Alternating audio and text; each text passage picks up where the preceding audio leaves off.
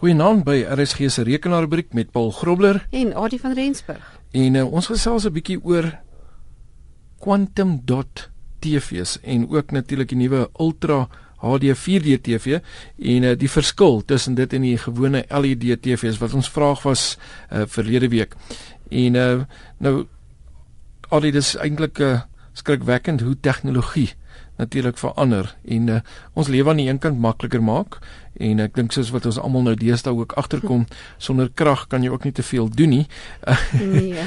so dit het sy voor en sy nadele. Maar waarmee ons sit is die moderne LED TV is eintlik maar 'n gewone LCD TV. Ja. En uh, dit gebruik dan nou die LED blou lig uh wat hulle noem die, die of die LED backlighting um, wat dan hmm. natuurlik die blou lig is wat waarby ek nou sal kom. Nou die voordele van LED backlighting is dat dit natuurlik minder krag gebruik en minder hitte produseer en dan ook minder spasie gebruik. So jou TV's kan natuurlik heelwat dunner wees as die ou TV's ja, wat ons natuurlik gekyk het. Dink jy terug op 'n hele paar jaar terug se TV's, né? Dis daai groot swaar soos die ou CRT's. Ja. ja. Nee, nee, nee, dit vat mm. dit vat baie spasie. Nou natuurlik die probleem met LED TV's is dat die LED blou lig gebruik word vir die backlight en mm. uh, dit die manier waarop die um, kleur vertoon word dus daardeur beïnvloed.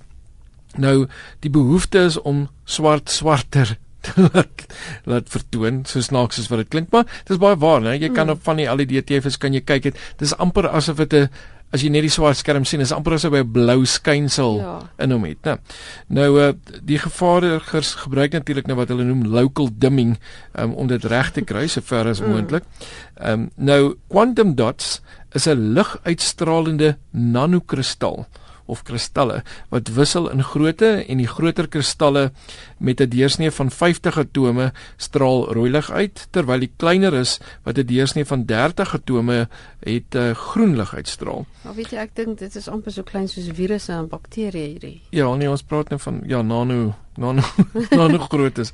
Ja, um, atome is mos maar klein goedjies.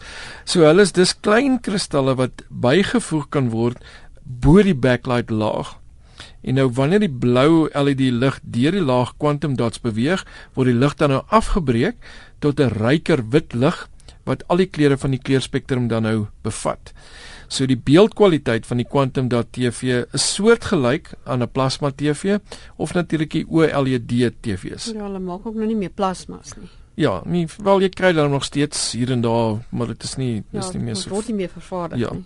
Die quantum dot LED TV's word ook genoem die QD LED TV's en natuurlik die nadeel nou weer van QD LED TV's is die liguitstralende kerne bestaan uit kadmiumseleniet of CDSE nanokristalle wat giftig is vir die omgewing. So weer eens nou, so as beland dit nou weer binne in die in die grond, jy weet dan So dis nou nie dis nou nie 'n TV wat jy buite wil gaan gooi op die grasperk nie.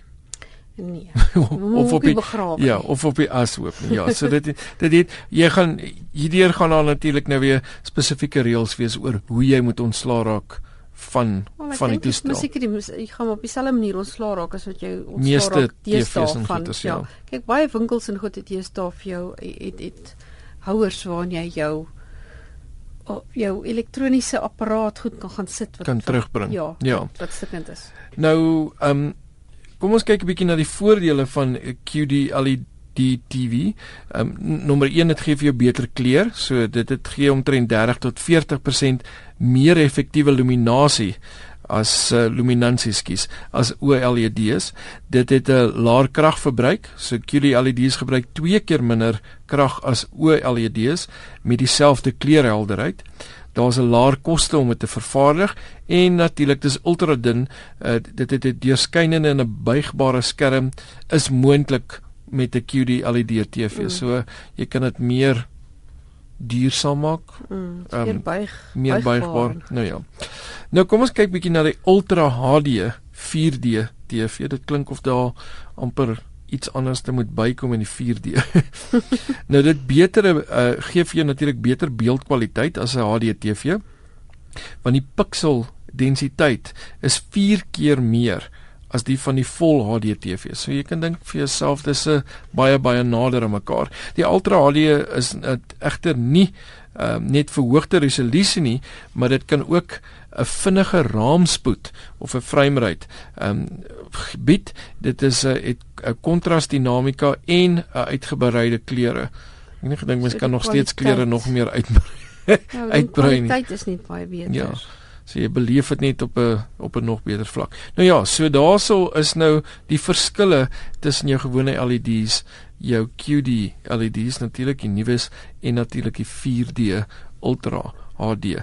Ja. Nou waar kan mens bietjie meer lees oor hierdie TV's ja, en verskillende tipes? Ja, hierdie hierdie TV's en ek meen dit gaan maar voortgaan te verander. Ja. Nou die eerste een is by wired.com, www.wired.com.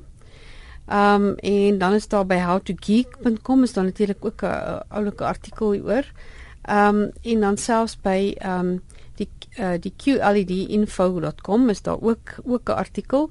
Ehm um, dan is daar ook 'n interessante een by digitaltrends.com.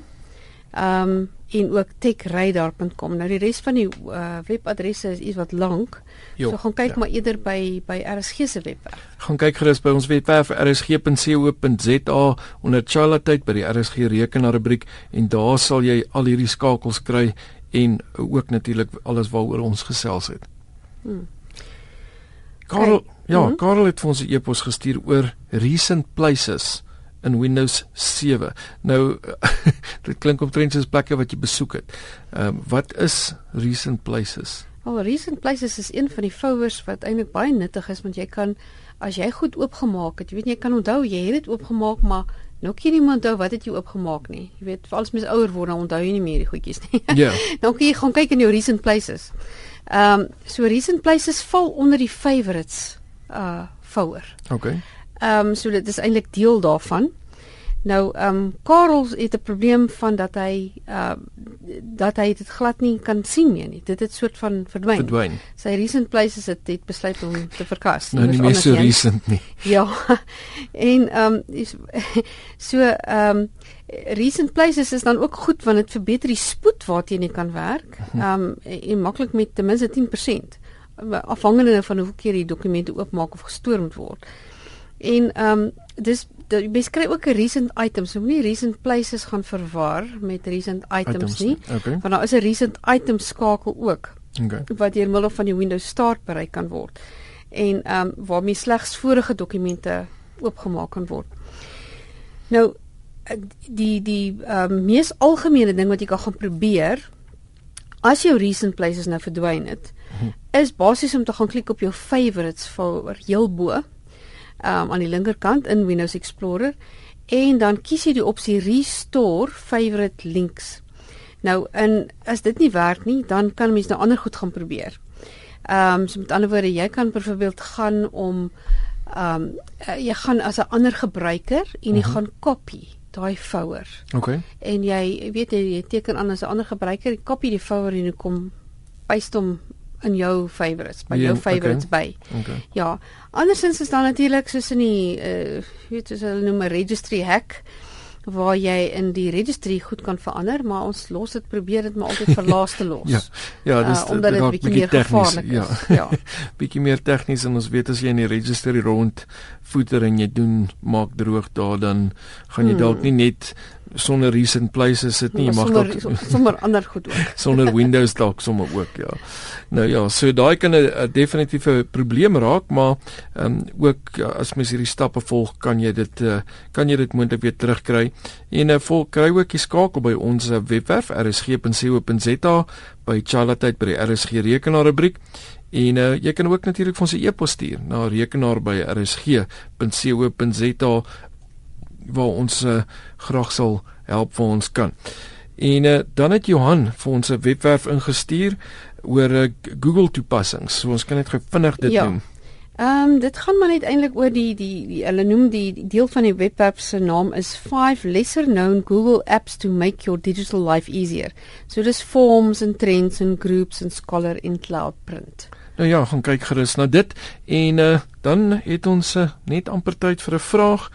En uh hierdie is 'n interessante ene. Ek kan nie sê ek het al voorheen van dit gehoor nie, maar daar's deesdae so baie goeders wat uitkom as Mens weet nooit. Dit is wat is wangiri bedrog? Wat is wangiri bedrog? Uh, kyk of jy dalk weet of dalk weet jy daarvan en ons gesels bietjie volgende week daaroor. Van myself, Paul Grobler en Adie van Rensburg. Groete.